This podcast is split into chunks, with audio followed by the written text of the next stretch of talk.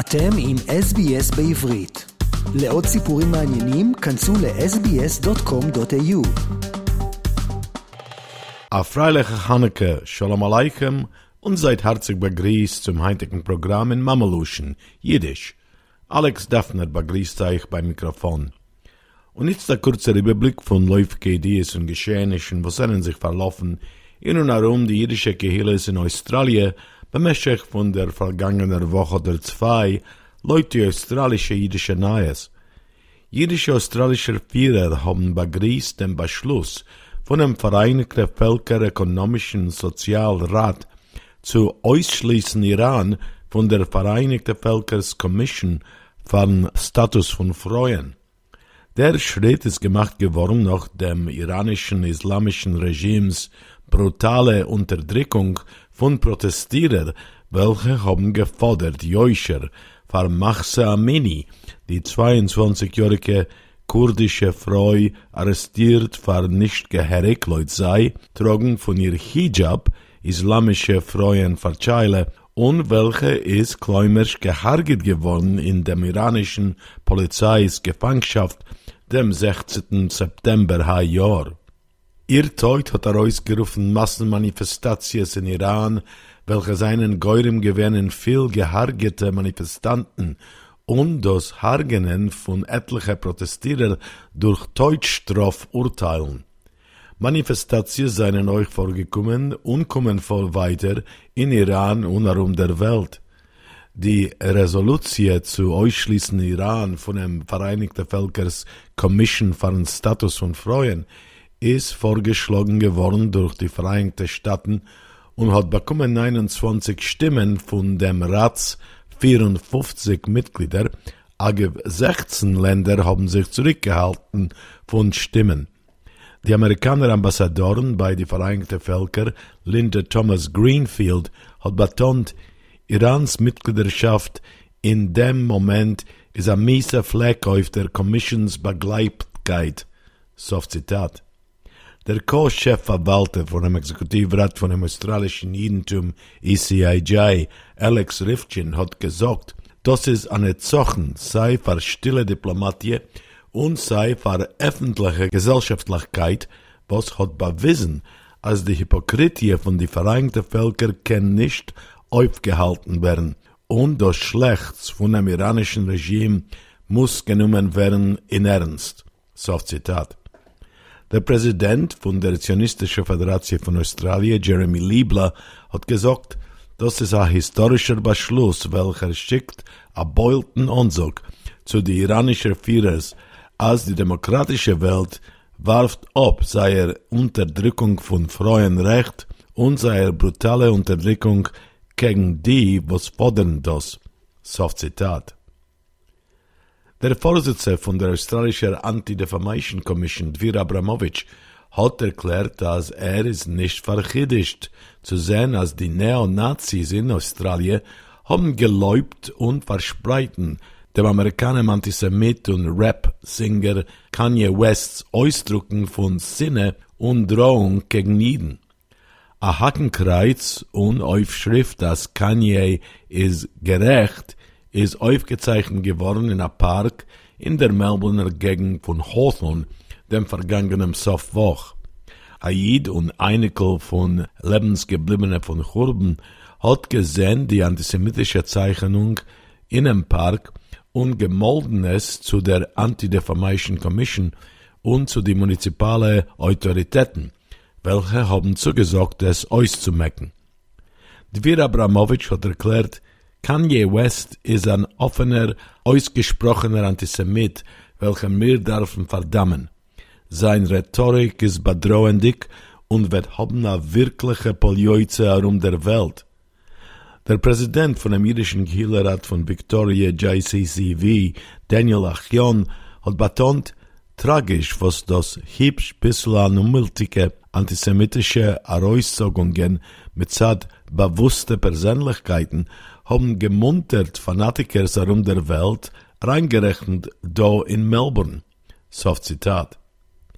Der letzte antisemitische Inzident ist aufgedeckt geworden, nur a Woche vor dem, wie die neue Gesetzen, welche verwehren das öffentliche Weisen von Hackenkreuzen wären heil in Stadt von Victoria.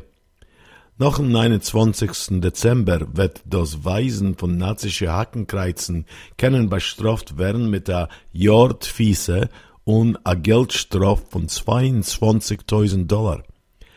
Daniel Achion hat erklärt, das ist ein wichtiger Schritt.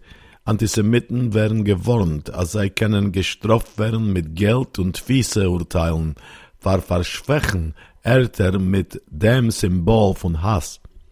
Es ist der Mutterdick, was jeden in dem Stadt und alle Täuschwim von Victoria wollen nicht müssen gucken auf die Symbolen von Schlechts von dem Jahr 2023 an.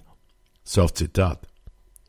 Der neue Gesetz ist angenommen geworden nach Beratungen mit dem jüdischen Gehilrat von Victoria, JCCV, wie euch die vorsteierische Körperschaften von Hindussen, Buddhisten und Jain Amune Gehiles in Victoria, welche nutzen dem Swastika-Symbol Lechavdel zu dem nazischen Hakenkreuz anders als seine religiöse Symbolen.